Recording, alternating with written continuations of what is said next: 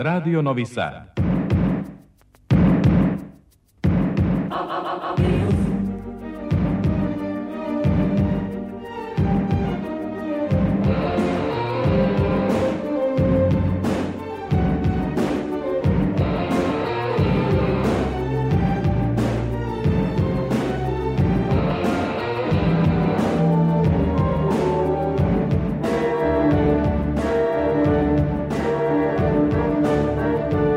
Spektar.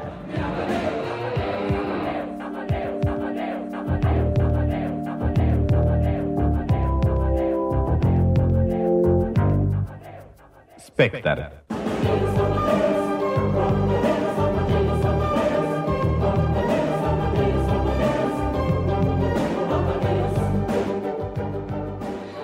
Dobro večer.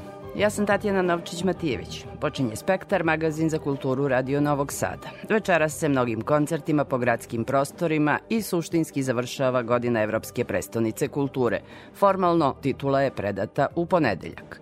Od ostalih vesti izdvajamo. Žiriranja za najbolji roman na srpskom jeziku u prošloj godini ulaze u završnicu. Ninov pobednik biće poznat 23. januara, objavljan je uži izbor od 13 romana, sledi još jedan krug eliminacije najuži, a potom i konačni izbor. Pandan Ninu, beogradski pobednik, znaće se za četiri dana. Za spektar govori Boris Isaković, glumac koji je prošlu godinu okončao priznanjem Dobričin prsten za životno delo. Milan Tica, debitant na pesničkoj sceni, a podsjetit ćemo se i knjiga i predstava koje su označile izuzetan kulturni događaj.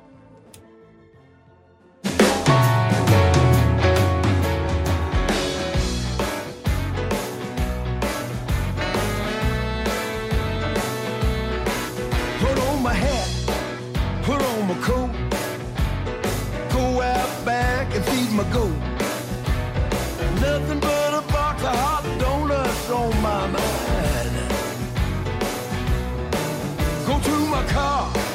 I check my tire, fill my pocket with my favorite set of pliers. I got some nuts to crack, hope they ain't mine. Got to be the first one up in the morning. You got to catch 'em while they're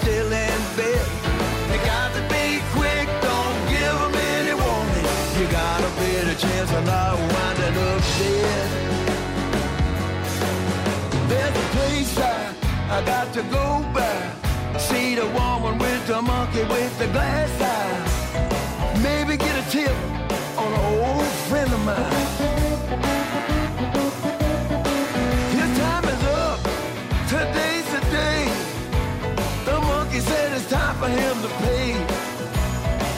Everybody knows you gotta do what the monkey say.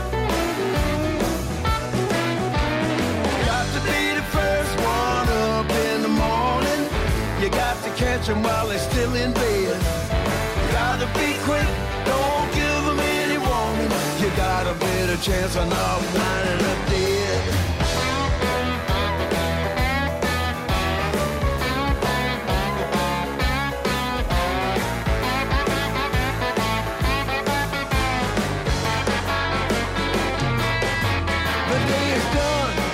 My traps are run. Nothing but another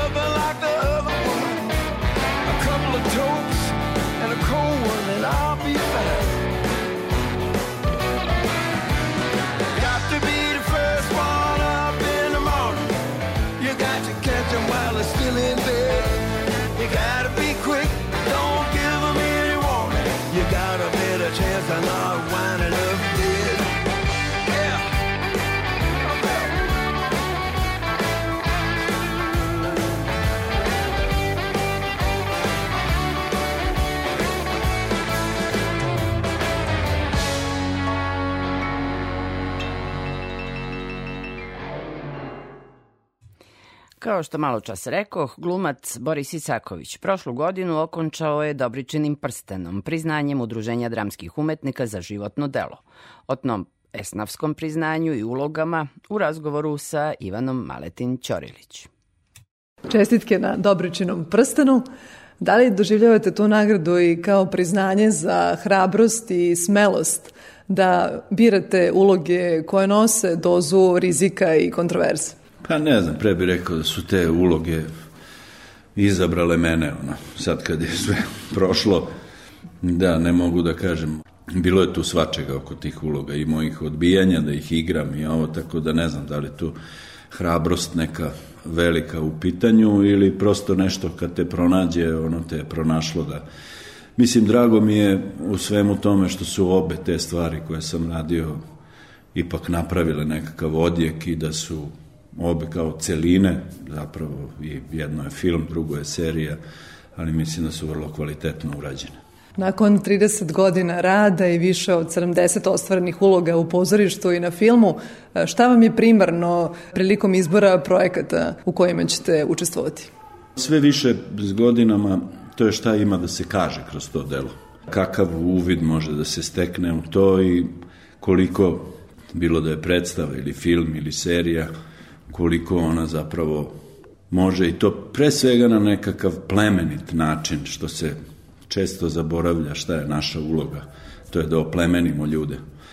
E ako to postoji ti elementi u nekakvom tekstu i nekakva, ajde da kažem jednostavno, snažna poruka, onda, onda se svakako prihvatam tako nečeg. Druga stvar, onda tu naravno ide i ekipa cela i izbor mojih kolega i ko je reditelj i sve druge te stvari, jer uvek se govorilo da je podela ili casting ono, za neki film ili seriju, pa i za pozorišnu predstavu, da je to pola posla. Da, kada se osvrnete na svoju karijeru, koje ličnosti su je obeležile? Sa kojim rediteljima ste najviše sarađivali? Sa kojim kolegama glumcima? U, pa ima tu dosta toga. Nekako je to Tomi Janežić se u jednom trenutku karijere moje nametnuo kao nekakav reditelj koji je otvarao neke nove puteve uz koga mi je bilo dragoceno da provedem vreme, ali isto tako i na samom početku karijere bolje nije moglo, čini mi se da me zadesi, mislim i to je naravno da je u pitanju i velikim delom i sreća, a to je rad u Subotici sa Ljubišom Ristićem, pa posle toga naravno nezaobilazni Dejan Mijač, još opet nova učenja i u tom periodu rada sa Dejanom Mijačem svakako niz ono naših vrsnih glumaca od kojih mnogi nažalost više nisu među nama ali to su bila učenja, mislim, od Đuze Stojiljkovića, od Pere Kralja. Onda Egon Savin koji me tu zapravo u Novom Sadu u Srpskom narodnom pozorištu dočekao, bio s pitanjem možeš li ti povući ako ti dam glavnu ulogu, možeš li ti povući? Ja sam se malo zamislio. Bio sam jak onda, pa sam mislio da je to, da ta fizička snaga potrebna. Boga mi i jeste u tom lakom komadu bila potrebna fizička snaga. Pa sam rekao mogu, pa je onda krenulo sa njim. Isto jedan značajan, veliki period. Ono, i predstava i gospoda Glembajev i to je bio nekako, čini mi se, vrhunac ono, našeg i rad sa Pecom, Eidusom, Tako da, eto, to, to je, nekog ću zaboraviti, sve do Bobe Jelčića i ove poslednje koje je sad već 2018. mislim na repertoaru zašto je poludeo gospodin R. To mi je bio koja je dobila mnogo nagrada u regionu. Jeste, odjeknula, zajedno. jeste, odjeknula je predstava, da, napravili smo vrlo uzbudljivu predstavu. Savremenu priču. Savremenu priču, da, sa onako sredstvima pozorišnim na koje ponekad zaboravljamo da možemo da koristimo, ali Bobo Jelčić je to stvarno savršeno napravio. Da, poslednjih godina naravno najviše pažnje su izazvale uloge Ratka Mladića u filmu Kvo vadi Saida i Slobodana Miloševića u seriji Porodice koje ste i pomenuli. Šta vas je privuklo kod njih i kako ste pristupili tim ulogama? Jeste li imali neku dozu distance? Drugačiji su postupci bili, prosto, u jednoj i u drugoj stvari. U prvoj stvari što se tiče filma Ko vadi Saida, ja nisam morao da se bavim niti nekakvom biografijom e, tog čoveka, niti to su vrlo egzaktne scene bile, glavna stvar je tu bila zapravo to transponovati jedan, što je prilično redak postupak, rekao bi da se da glumac od nekog arski, arhivskog dokumentarnog, dokumentarne građe neke, pa praktično sa YouTube-a da uzme to da i da ga postavi kao filmsku neku, neku ulogu. To je bilo zanimljivo u tom procesu i nisam morao mnogo tu da se udubljujem, osim onoga što je središte određenih događaja koji su bili. Dok je sa ovim ulogom Slobodana Miloševića bila drugačija stvar u pitanju, tu je svakako trebalo zahvatiti dublje nekakve porodične odnose i biografiju njegovu na određeni način i videti zapravo šta iščačkati šta, šta se krije u tom čovjeku, iako su okolnosti koje su posmatrane u toj seriji isto pravile vrlo zadate nekakve okvire, jer se radilo o poslednjih dva, tri dana zajedničkog života zapravo te porodice. Tako da tu sam morao stvarno da se približim karakteru više, pa čak do te mere jel da, da se ode, ne bi rekao u imitaciju samo, ali da pokušam da pokupim ono što više, pa čak, čak i toga, mislim, nekakve sličnosti, u čemu mi je naravno, su mi pomogli iz ovoga dela, iz sektora šminke puno. Izazvalo je kontraverze, mislim, ra, razne kontraverze, mislim, ono stvarno da, da čovjek Da se to zapita da li, ma ni, ni, ništa me više ovde ne pogađa. Verujte mi da mi To to ništa. govori o nama kao društvu. Pa to je, mislim, to je, ne znam, toliko mm, jedan odnos, ne znam ni kako bi ga nazvao, mislim, poistovećivanja nas glumaca sa našim izborima, jer to mnogi ljudi kao na početku razgovora što smo rekli, mislim, ne shvataju da neke uloge biraju nas, mislim, nije to, ne dajem ja sam sebi tu ulogu, nego neko vidi to. Ja sam u nekakvom treningu dugogodišnjem, gde sam se bavio ozbiljno nekakvim dramskim ulogama, i u pozorištu od početka, mislim, ja sam započeo karijeru svoju da kod. Ljubiše Ristića da sa Richardom III, mislim, kao mladi, vrlo lepa su mi tad govorili ne možeš da igraš ti Richarda III zato što si tako visok,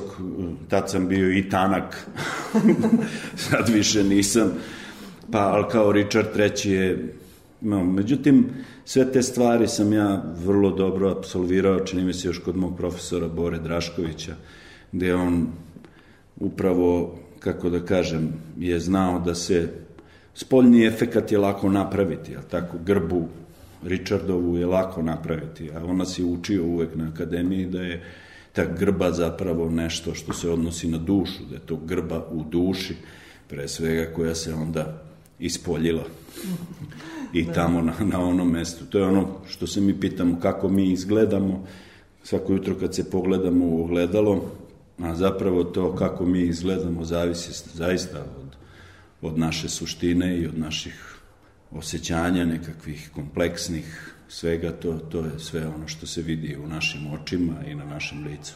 Nakon filma Quo Vadis Aida, koji je osvojio čak tri evropska Oscara za najbolji film, režiju i za najbolju glumicu Jasnu Đuričić, bilo je teško nadmašiti tu 2021. godinu, ali čini mi se da je to vama pošlo za rukom, odnosno da vam je i prethodna godina bila vrlo uspešna na filmskom platnu, nekoliko značajnih naslova, heroj radničke klase Miloša Pušića, zatim Praznik rada, Pjera Žalice. Šta vam je obeležilo prošlu godinu na tom umetničkom planu? To su bila sve iznenađenja. Ovo mi je jako drago bilo u Sarajevu poziv Pjera Žalice. Mi se se površno prilično poznavali, jer on je nekako uvek izražavao želju da radi sa mnom, kao i ja u, u ostalom, jer sam obožavao uvek da gledam sve njegove filmove i znamo kako oni na jedan poseban način i posebnu osjećajnost on ima i oni se stvarno duboko nekako u narodu se ti filmovi jako dobro znaju, mislim, iako naravno da su oni osvajali nekakve nagrade, pa evo sad i u Poljskoj, u Varšavi je taj Žalici novi film dobio Grand Prix, ali me je to privuklo što nikad nisam radio, mene su stalno birale neke uloge upravo ovako nekakve Negativno ozbiljne, zaposlene, teške, da. dramske uloge, da, tako da je ovo bilo fantastično nekog, nekog čoveka tamo iz Sarajevske raje, odigrati sa svima njima, sa svim kolegama s kojima sam radio, to je bilo posebno stvarno zadovoljstvo i nekako i, i čast i sreća. A sa Miloševim filmom Miloša Pušića, pa to je bilo prosto neverovatno to što se desilo. Mislim, kako smo mi taj film uradili i onda je on stajao dugo, boga mi jedno 4-5 godina sigurno čekajući da se urade postprodukcijske stvari, sve i na kraju kad je to urađeno, verovatno i na krilima tog uspeha, pre svega jasninog, osvajanje te evropske nagrade za najbolju glumicu, tako da je verovatno i to doprinelo da se ovaj film e, tako kotire su prosto, prosto su ovi distributeri, ovi koji otkupljuju prava su poleteli bili na film. I sad šta se sve dešava i to nije se ni završilo sve to dešavanje sa herojima radničke klase i to je nekako jedno učenje veliko za nas da i uspeh strašan što smo ušte stigli do tamo, budući da smo zaista bez dinara jednog uradili taj film. Da, vi jasno ste, ako se ne varam, sada jedini glumački par koji ima priznanje Dobričin prsten, Jeli međusobno se dogovarate i savetujete o ulogama i o izboru projekata? Ko, ko će kad da nosi prsten sad? da, da, ima.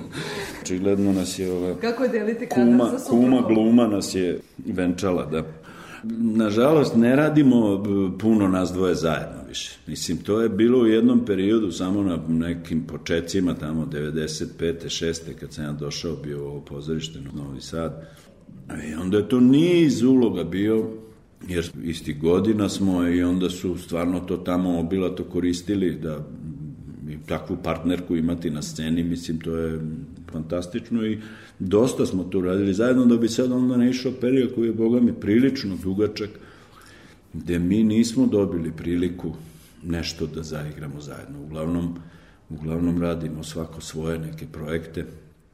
Igrali smo mi u istim filmovima i serijama, mislim, bila je ona serija Žmurke, Miše Radivojevića, ali nismo imali nikakve dodirne tačke, mislim, u scenama, nikakve, pa čak ni u Ko vadi sa Idim. Ali, eto, prosto nas dvoje bi možda želeli stalno nešto i mislimo šta bi možda to nešto pronašli, nekakav tekst ili nešto, pa možda za pozorište ili tako, ali prosto tih silnih, silnih poslova, ali sigurno, sigurno će da, da dođe i taj trenutak kad ćemo nešto ponovo zaigrati, jer smo zaista voleli da igramo zajedno uvek. Kako komentarišete taj trend eh, hiperprodukcije i proizvodnje lakih sadržaja? Ili se to prelilo i na pozorište? A to je sad da pitanje te industrije što se serija tiče i tog televizijskog programa. Pa ne znam, ja imam osjećanje iz nekakvih priča koje sam načuo, ja mislim da će to se sad redukovati. Mislim da ta hiperprodukcija je postala svima i ja mislim da to će polako, daj Bože da ne, ne, ne ugase to skroz, mislim, zato što tu je sad vrlo nezgodno odgovoriti na to pitanje, jer znam da to daje hleb mnogima. Ovo do sada je stvarno mnogim i mladim glumcima i ono, a s druge strane opet mislim hleba i igara, da li je to dovoljno da se sačuva neki istinski istinski duh i nekakav, da li to neguje nekakav pravi kvalitet, to je pitanje. I onda je to pitanje zapravo šta se, šta se to servira ljudima. I sad ovaj krajnji odgovor, da li se to preliva u pozorište, pa da, nažalost, to je ta sprega, jer ljudi koji su zaposleni u pozorištu i oni snimaju. Mislim, oni su to u Sloveniji rešili vrlo jednostavno, mislim, podižući plate ovima koji su u pozorištima, ali je to značilo da onda moraš taj ugovor da poštuješ i da ti u to vreme, znači kad se rade predstave i kad si na onom spisku u nekoj podeli, da onda ne možeš da ideš da snimaš ništa. E sad, kod nas je to, rekao bi, kristališe, kako će to ići, ne znam, mislim, pozorišta novca nemaju i onako, još ako i bez glumaca ostanu, da ne mogu da se probe normalno odvijaju, onda to stvarno utiče na kvalitet i to onda polako počinje sve da se osipa.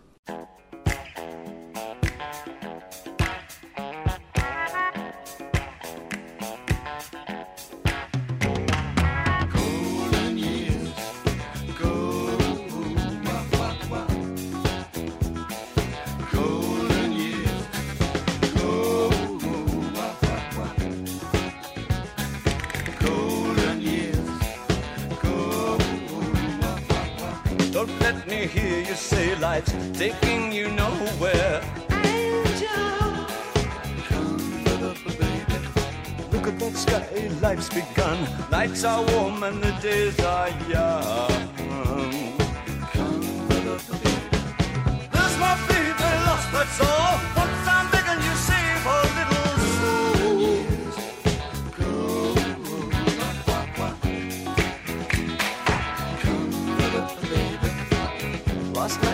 Loved you, opening doors and pulling some strings. Angel, come love the baby. Then walk luck and you looked in time. Never looked back, walk tall, act fine.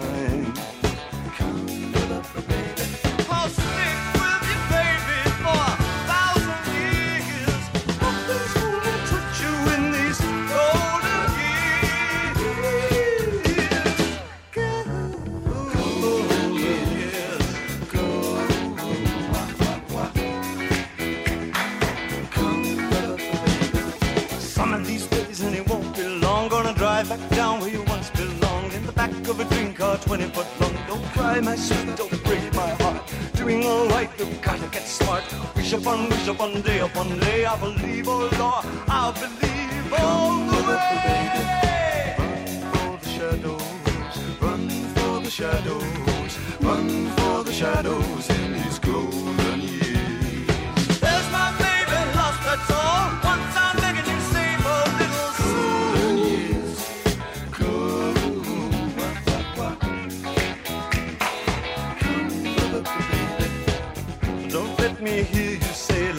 Taking you nowhere.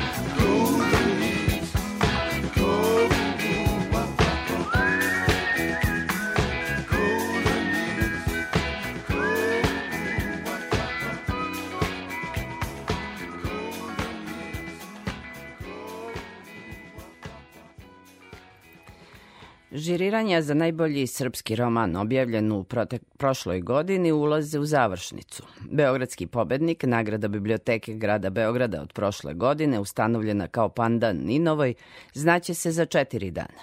Za 69. dobitnika Ninove nagrade sledi još jedna selekcija, najuži krug za šest dana, a laureat će biti poznat za 10 dana. O najužem izboru, objavljenom danas, predsednik žirija Beogradskog pobednika Predrag Petrović.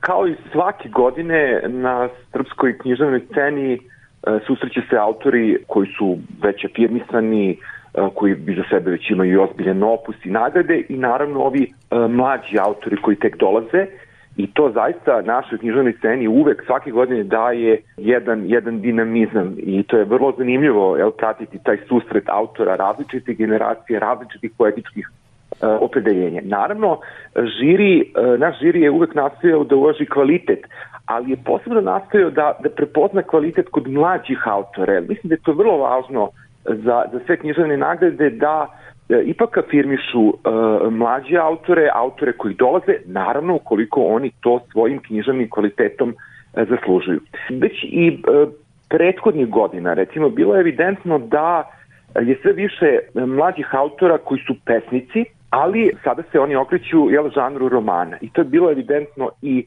e, ove godine, pa smo recimo imali nekoliko recimo mlađih autora uh, poput recimo Ane Marije Grbić ili Bojana Vasića, dakle koji su već poznati kao, kao pesnici, a koji su ove godine objavili svoje prve romane, tako se recimo uh, sada u našem najvišem izboru našao upravo taj kratki fragmentarni lirski roman uh, Bojana Vasića Vlastelinstva.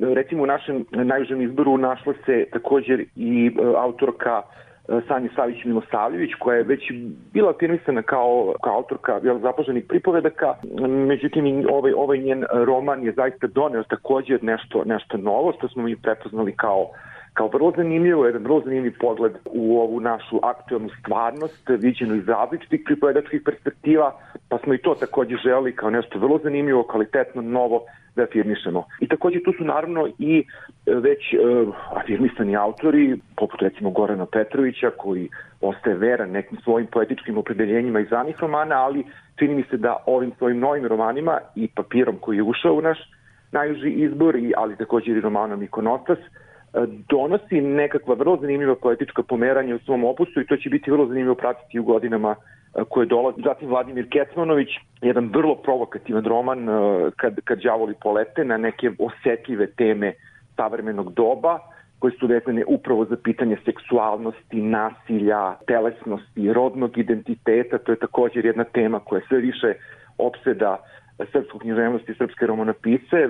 Zatim također roman afirmisane autorke E, Mirine Novaković, koji se posle dužeg vremena evo, javlja romanom Mir i mir, koji je zagledan u neki e, jugoslovenski prostor, jugoslovenska i postjugoslovenska kultura na izmaku 20. E, veka, takođe na jedan vrlo zanimljiv, provokativan, pripovedački, kompozicijono izvanredan način i takođe roman Emira Kusturice Vidiš li da ne vidim, jedan osobeni tip autofikcije, ali koji je zasnovan na i na nekim elementima romana o umetniku, zapravo reče o, o Peteru Hankeu, dakle kako ovde pripovedač vidi Hankea i kako kroz tu vizuru zapravo otvara neke pitanja iz svog vlastitog identiteta, ali i uopšte identiteta srpske kulture na nekoj evropskoj e, umetničkoj, umetničkoj sceni. Dakle, mislim da je ovo jedan onako vrlo lep, ja bih rekao, izbor koji smo napravili, uh, zanimljiv izbor koji afirmiše različite poetičke orijentacije, različite autore različitih generacija, ali koji na prvom mestu e, afirmiše naravno e,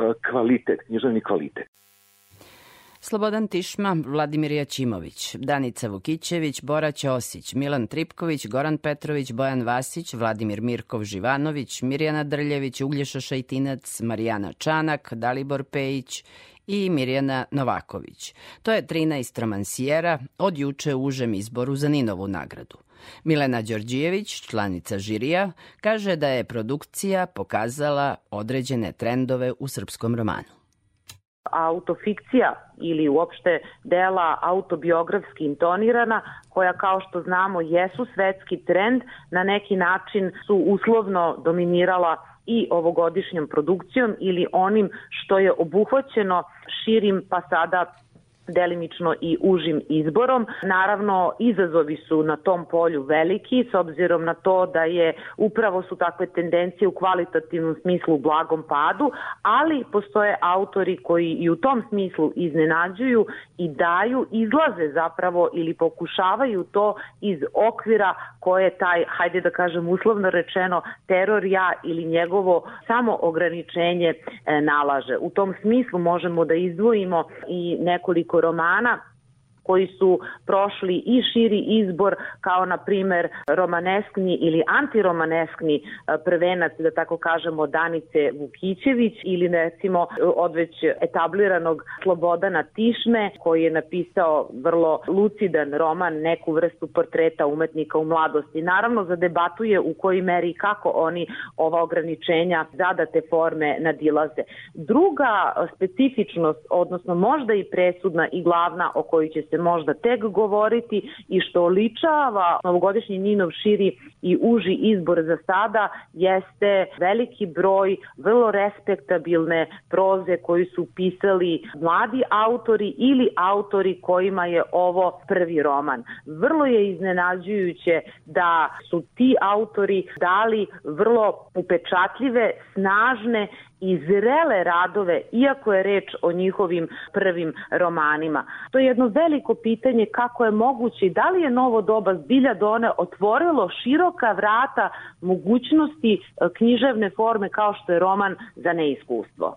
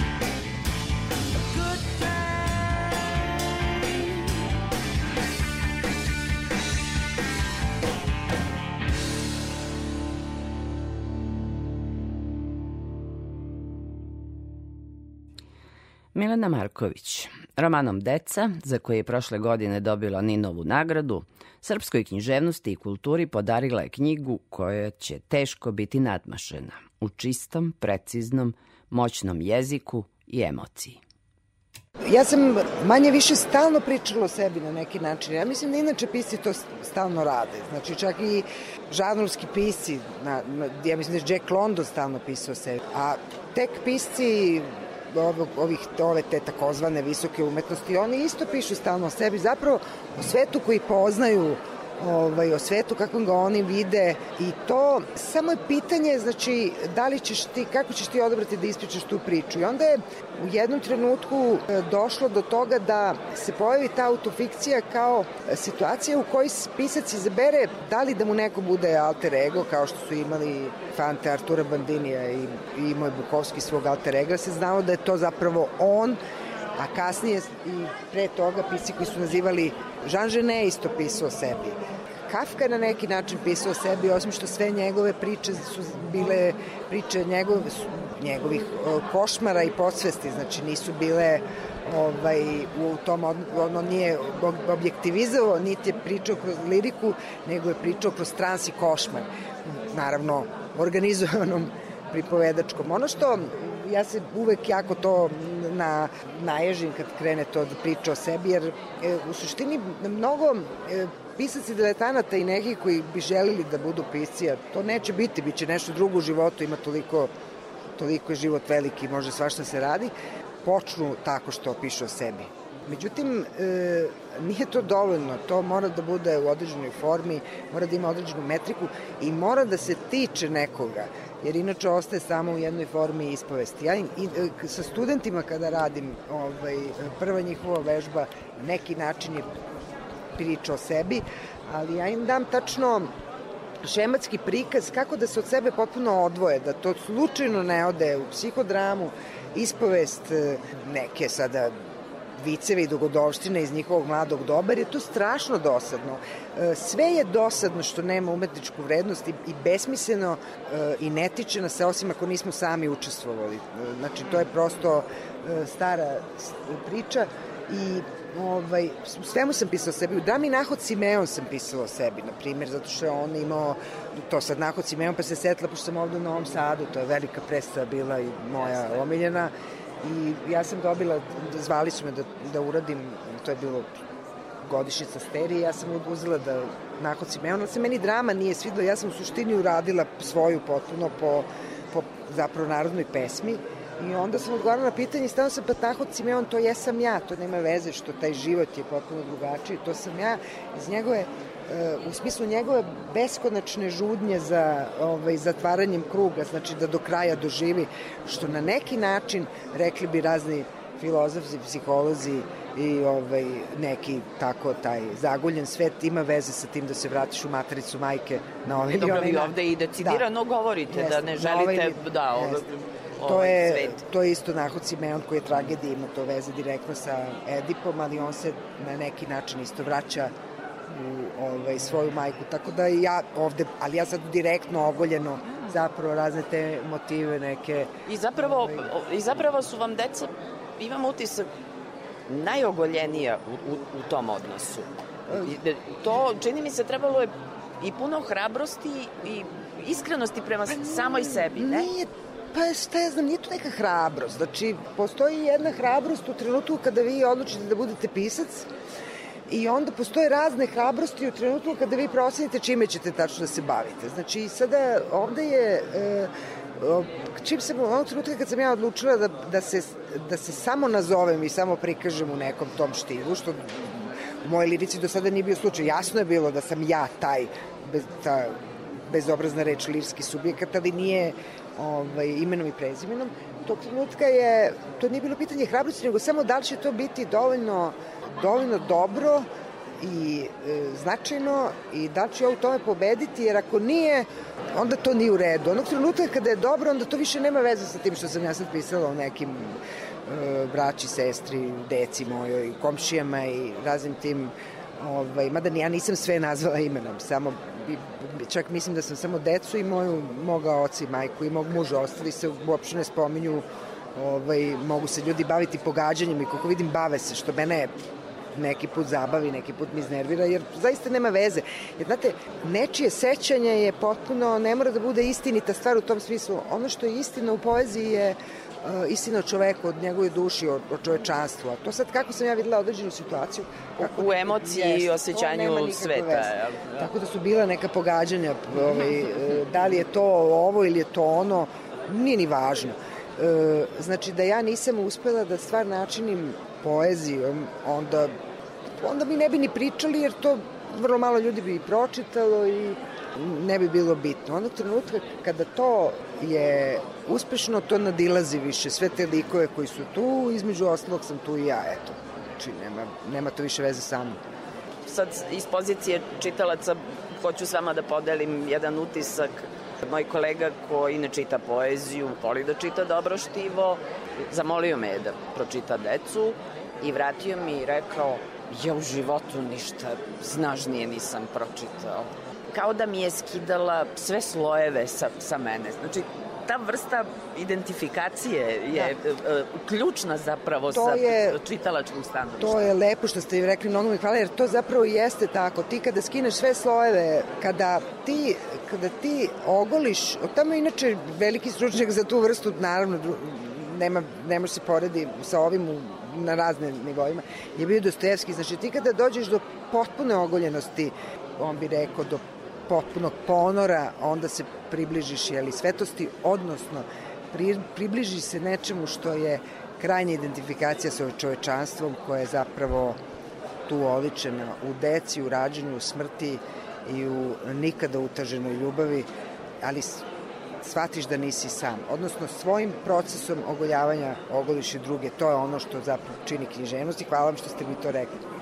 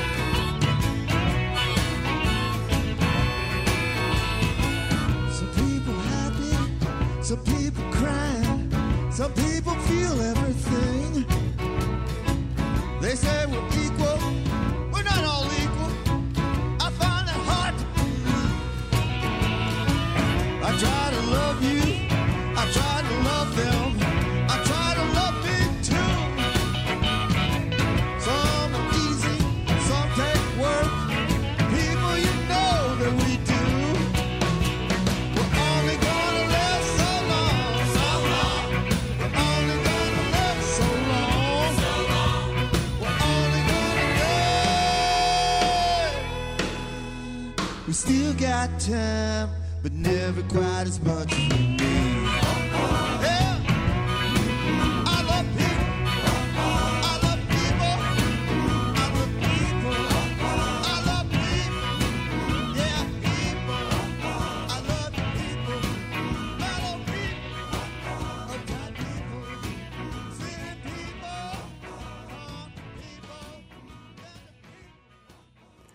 Ovo je Spektar, magazin za kulturu, Radio Novog Sada. Četiri minuta je do 11 uveče. Još malo o deci, ali iz jednog drugog umetničkog jezika. Irena Popović-Dragović, komponovanjem i režijom Veselog rekvijema kako je definisala komad Deca, prema romanu Milene Marković, u Narodnom pozorištu u Beogradu, ostvarila je predstavu godine, koju ćemo vrlo izvesno gledati i na sterijinom pozorju. Bio je to prirodni sled transponovanja Milenine poezije u muziku, rekla je u razgovoru sa Anom Čupić Irena Popović-Dragović. Kad dobijete nešto ovako, onda postoji samo onaj moment kad sebi kažete ovo sam čekao ceo život. Što Milena kaže, mogla sam da se obraćem, okrećem, da budem nežna, da budem smešna, da budem moćna, da budem tužna i da sebi ne zameram. Ja sam počela da pišem ovo pre nego što sam dobila poziv od uprave Narodnog pozorišta i pre razgovora sa upravnikom gospodinom Goncićem. Ja sam im iskomponovala pesmu i Vetar i devojka, jer sam već dugo se bavim tom ženskom savremenom poezijom i jako me to zanimalo. Tako da kad su me pozvali, ne mogu da kažem bilo mi je logično, ali mi je bilo nekako prirodno, nekako velika trema i odgovornost, ali sam osetila snagu, zašto sam ja ranije komponovala na Milanine stihove i nekako ja imam tu neku simbiozu sa njom, u smislu da ja to što proizvedem muzički se lepi na njene stihove, ono što kažemo na jedan.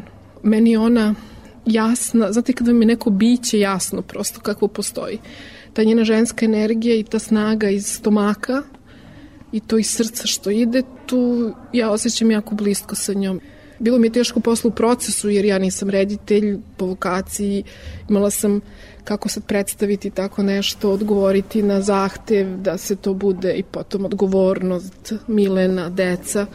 Milena me oslobodila odgovornosti i rekla to su tvoja deca. Moj tekst je sad predložak, ti sad porađaš novu decu.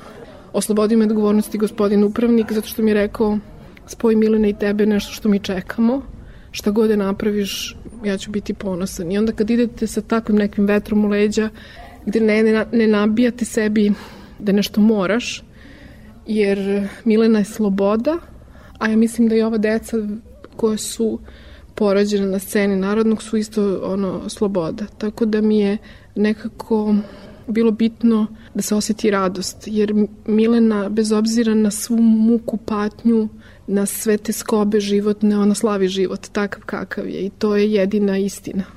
Simbioza između Milene i vas se desila, to je definitivno, ali je bilo divno i gledati ansambl koji diše kao jedna osoba, koji prati isti ritam, koreografiju, vašu melodiju. Jedino u čemu su se oni razlikovali su ti kostimi koji su dosta ekscentrični. Odakle nam oni dolaze u celu ovu priču? Pa, znate šta, ja sam negde birala svoj autorski tim i tražila neko jake individue koje su u svojim poslovima nekako identiteti. Znači, to su ljudi koji su sa svojim poetikama, na primjer, konkretno sa Selenom Orp koja je kurirala kostime, morali smo jako brzo da mislimo, jer ja sam imala jako malo vremena i ja sam sa Selenom onako kao dve devojčice kad razmenjuju sličice i rekla šta misliš kakva su ta deca? I jedno je osnovno koje je to da su to deca koja moraju biti šarena, koja moraju biti srećna, koje moraju biti koloritna i da su to sve boje radosti koje su životne. Jer, znate, kada čitate Milenu, vi, se, vi, vi nekako prihvatite tu teskobu, ali kad prihvatite život takav kakav jeste, vi prosto to živite. I ova naša deca, koji je hor, su još jedan novi sloj. Ovo su deca hornade, koji su deca sa margina. Oni izazivaju jednu posebnu vrstu emocija u toj njihovoj nesavršenosti, kao i u tom nekom nesavršenom pevanju. Vi se poisto većujete. Jer to užasno bitno zato što ovde peva 17 ljudi, svira orkestar, kamerni od 10 ljudi, peva 12 dece. I svi su Milenin glas. To je Mile, Milena u ono milion boja. I ono što vas ovde nosi jesu te emocije i jedino to, jer vi kad ovo pogledate, ja prosto mislim da vi pristanete na to. I to je nešto što je nekako veličina ova predstava. I ono što se osjeća i što u šta verujem, a to je ogromna ljubav koju ti glumci nose. Jer vi njima verujete. Verujete im kad džuskaju, i kad pevaju, i kad ne pevaju dobro, i kad su se zbunili, i kad su se nasmijali, i kad su vas na kraju pozvali na scenu da svi zajedno igramo pristanete na to da vam kažu ništa ovo nije veselo. Svi smo mi na kraju ljudi koji znamo gde idemo. Nekako je veseli rekvijem na kraju.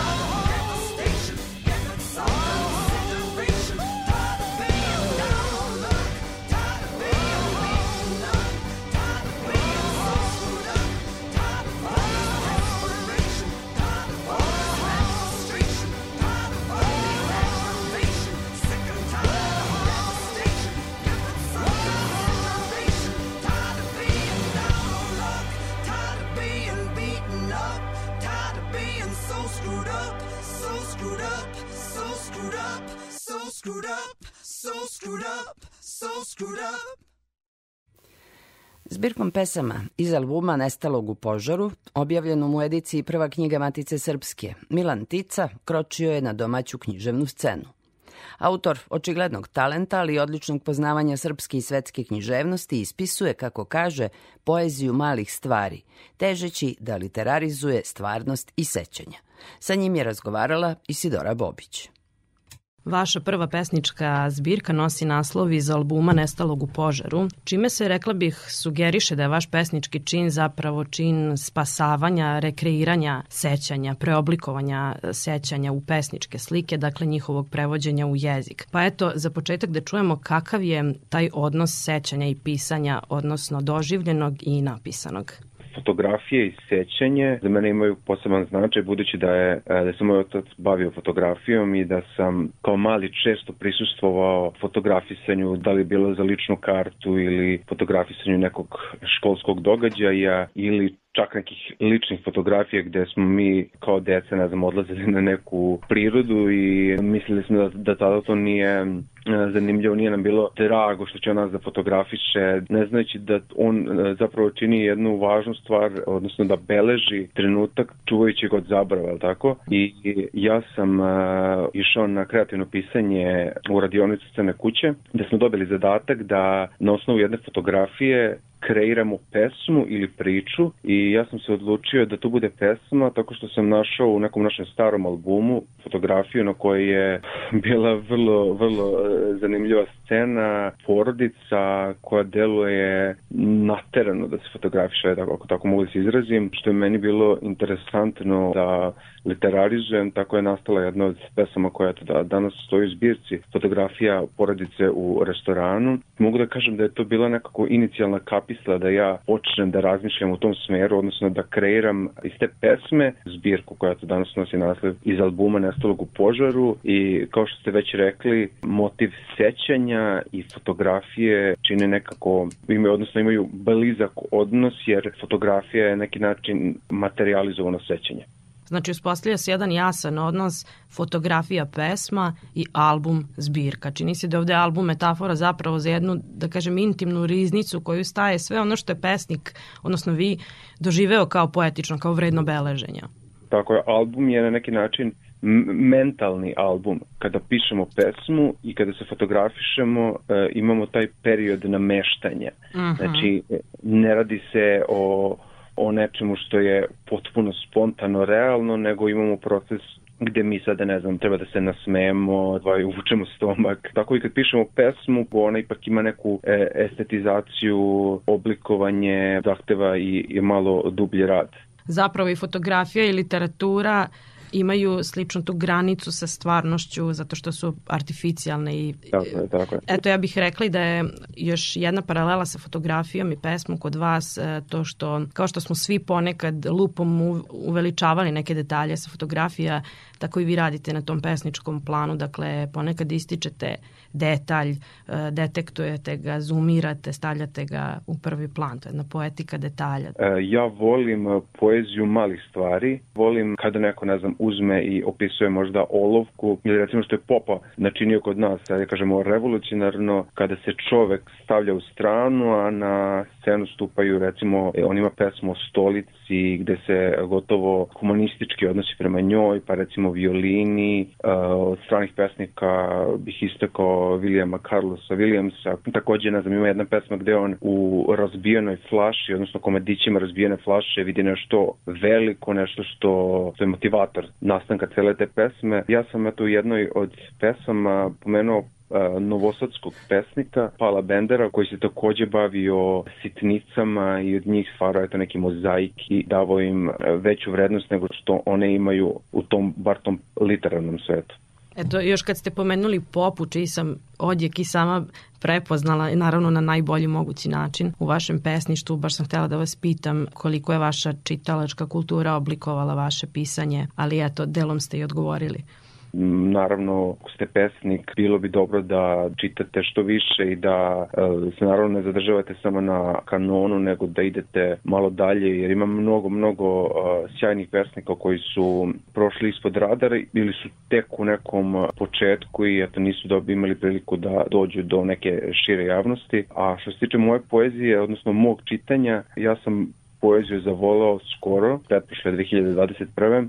Spremajući jedan ispit, do tog trenutka za mene poezija nije bilo ovo što je danas, ona je bila nekako ah, vez, vezana za romantizam, modernizam, za te neke eh, tradicionalnije momente u našoj književnosti. Međutim, izučavajući tu savremenu srpsku književnost, upoznao sam neke pesnike poput Novice Tadića, kao što ste već pomenuli, Vaska Pope, Simovića, tako je počeo taj moj put upoznavanja sa poezijom, evo na kraju i samog pisanja.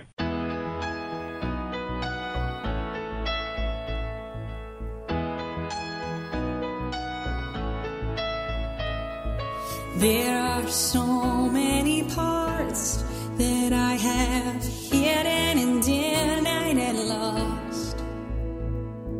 There are so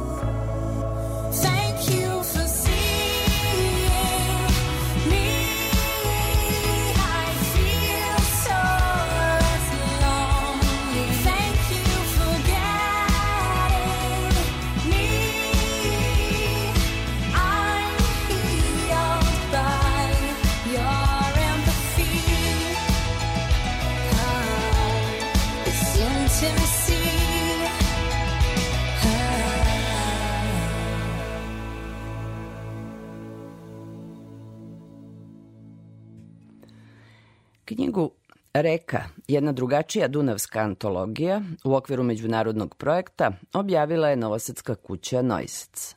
Bila je deo Dunavskog mora, Evropske prestonice kulture, a na sajmu knjiga u Novom Sadu dobila je specijalnu nagradu. Naše pisce, zastupljene u antologiji, odabrala je urednica Silvija Dražić, sa kojom je razgovarala Aleksandra Rajić. Dunav je već pričana priča, ali ne očigledno ispričana, sudeći prema ovoj knjizi. I sad ovo uvodno pitanje zapravo hoću da prepustim vama, a ja ću već e, u tokom razgovora postavljajući svoje pitanja i govoreći o nekim svojim zapažanjima, recimo predočiti ove karakteristike ove zbirke. Dakle, po čemu je drugačija? Priređivačice su Edith Kiraj i Olivia Spiridon, e, obe su po nekoj osnovi vokaciji germanijskinje i knjiga je prvo izašla na nemačkom jeziku. Onda je ideja koja je nosila projekat, ajde da tako kažem, da je sama knjiga nekako isprati tok reke i da se objavi na nekim jezicima koji se govore u toku Dunava. Do sad je objavljena na nemačkom i u isto vreme se pripremalo mađarsko i srpsko izdanje, ali to mađarsko i srpsko su identični. Mi smo dobili priliku, do duše na sasvim ograničenom broju strana da dodamo i naše autore. U tom početnom nemačkom izdanju postoji samo Mihajlo Pantić, a mi smo onda dodali par autora, Danilo Kiš, to su zapravo fragmenti iz tekstova, Aleksandar Tišma, Slobodan Tišma, sa jednom pesmom Judita Šalgut, onda Mirjana Novaković i Siniša Tucić sa jednom pesmom.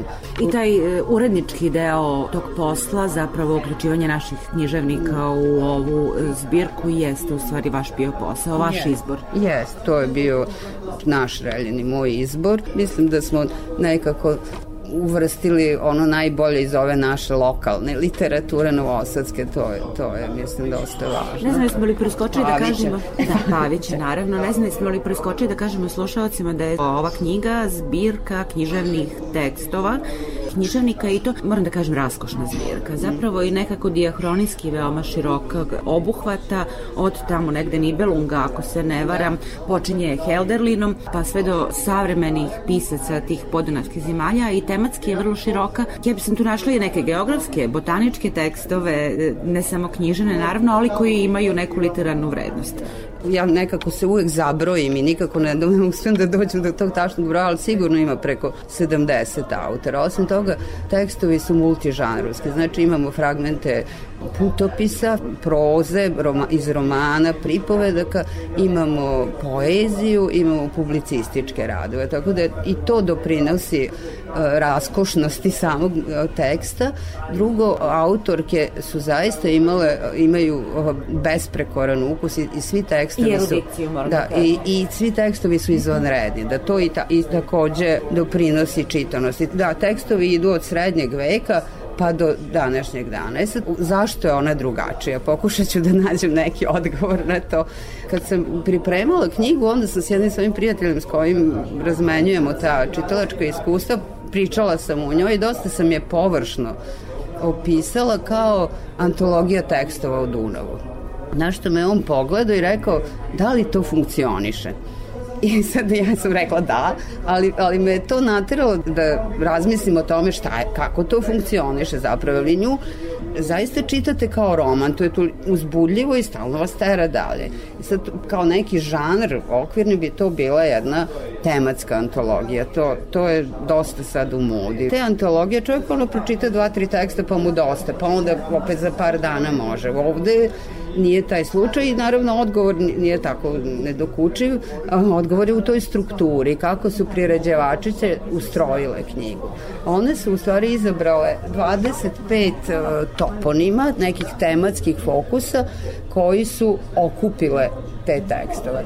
E sad ti tekstovi idu od onih, e, ajde da kažemo, geografskih, koji op- opisuju svaku reku, ne znam, izvor, obale, ušće, pa onda malo specifičnije tu su ribe, pa tu su poplave. Na izgled ta fizička priča zapravo odmah ima u sebi tu vertikalu, jednu istorijsku dimenziju, uključuje vreme i to ne samo u smislu onih velikih narativa o događajima koji su tu protutnjali, nego do sasvim nekih lokalnih priča tog sveta života koji se odvijao na nekim toponimima Dunava. I sad, to su te perspektive. Jedna ova fizička, jedna ta istorijska koja seče sve i koja je posle mnogo još izrazitija u tim tematskim poglavljima koje se tiču, ne znam, rata, pa izgona i progona. Putopisa. Da, onda kaznenih logora, znači tu, tu, je, ta, tu je sad Dunavne poprište zapravo tih e, događaja do onih sasvim abstraktnih, to je ta treća perspektiva kad dolazi velika spajalica ili pre, porazi. Pojam Srednje Evrope, Srednja. Evropa, prevodi, boje. Naravno, nijedna od tih perspektiva, ovo je sad neki, neko analitičko, veštačko razdvajanje, sve one se nekako umrežavaju, ulančavaju i dobija se to gusto, to tekstualno tkivo. Priređivačice kažu u, u jednom od uvoda da su htele da postignu tu reku teksta. Mi zaista imamo tu reku teksta kojom se plovimo, tumbamo se tako, a sa velikim uzbuđenjem od, od ušća, od izvora do ušća.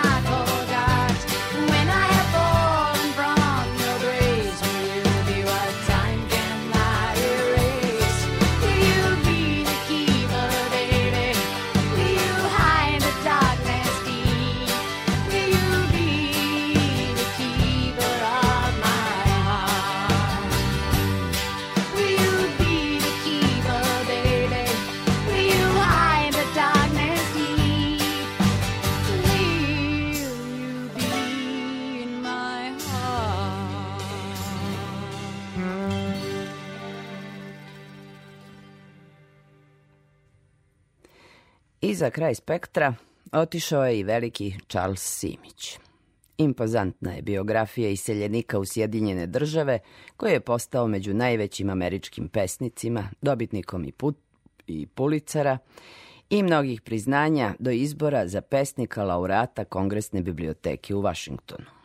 Prevodio je srpske pesnike na engleski, sačinio i tri antologije moderne srpske poezije. Njegove pesme i eseje na srpskom objavio je Arhipelag – Simić se u Beograd vraćao tek početkom 80-ih, a zabeležili smo i njegovo gostovanje u Novom Sadu 2011. godine, pred prepunom publikom u Kulturnom centru grada. Imam osjećanje da, pravdom kažem, da e, nikad nekako nikad do sad nisam nešto pošteno uradio, da sam, da uvijek nešto malo fali, da moram onako da, da popravljam pesme. Ja popravljam pesme i čak kad, sam izađu u knjizi, ja, mi, ja nešto nađem neku reč i promenim neku reč. Valjda i kad budem sed, ležao u sanduku ovaj, mrtav, onda ću malo onako krišo da popravljam neku pesmu. Eto to, to postane obsesija. To nije nešto što, što čovek kaže hoću da radim to. Nema, nema, nema da, da, da biram. Mislim, to je to. To je moj život. Moj život nije bio baš neki lak život, tipični imigrantski život, pe, na neki način dosta težak. Mislim, ja nisam plakao kad sam bio mali, ali sam, mislim, pošto sam bio mlad i baš me briga. Ali onda, mislim, to, ja sam se rodio u ratu, tri godine, počeo je 6. april, bomba tresla preko puta ulice, uh, onda posle, know, znate kakav je bio drugi svjetski rat u ovoj zemlji, a onda posle su nas bombardovali saveznici, pa onda posle rata, mislim, nismo ništa da jedemo i tako dalje. Mislim, sve, sve te stvari. Onda kad sam, kad sam nastavio, kad sam došao u Ameriku, onda su počeli se ređuju razni ratovi, američki ratovi, da je uvek postala, postala opasnost da, da ja odem. Ja sam bio u vojsi, ali sam bio u jednom malom periodu kad ništa se nije dešavalo između 61. i 63. godine, ali zato je moj brat otišao u Vjetnam, bio u Vjetnamu. I šta, oni drugi posle bio onaj Gulf War, Bushev prvi, gde moj sin mogu da, da zaglavi I, mislim, valjda to što, što sam odrastao u drugom svjetskom ratu ovde, mislim, u ovoj zemlji bio bombardovan, mislim, kad vidim negde i čujem da neko bombarduju tamo u svetu, mislim, ja tačno znam kako to izgleda. I to, to je onako, mislim, uvek jasno da oni koji su nevini, oni stradiju tim ratovima. I bilo bi stvarno onako monstruozno da, da, sam, da ja to ne obraćam pažnju na to da, da celog svog života, da nisam to primetio, da se to, da se to druge stvari dešavaju. Zato a, nekako živim i sam s jedne strane sam moja mašta, a s druge strane ovaj pravi, realni svet koji svi ostali živimo, to ne mogu da, da, da zaboravim. Pa mislim, stvarno sam malo umorno od svega toga. Ja sam pre jedno, pa deseta godina rekao sebi, neću više da pišem o ratu i o ratu, pa što, mislim, onako, dosta sam pisao, mislim, dosta. Znači, pišem pticom, strašno volim ptice, i, male životinje, biljke, sve druge stvari. Ali ne daju ti mira, mislim, stalno te nerviraju, stalno dođu sa nekim idiotskim ratovima i tako da, mislim, to je, to je mislim, zato pravljeno što uh, iz iritacije, iz umora, iz uh, a, iz jednog očajanja. Nekako strašno kad se sve ponavlja, sve gluposti se ponavljaju. Mislim, što god je pametno, mislim, onako mislim, se izgubi, a, a, a najveće gluposti se u istoriji ponavljaju. I, i iste vrste ljudi, mislim, budala, mislim, slihovca i tako dalje. I...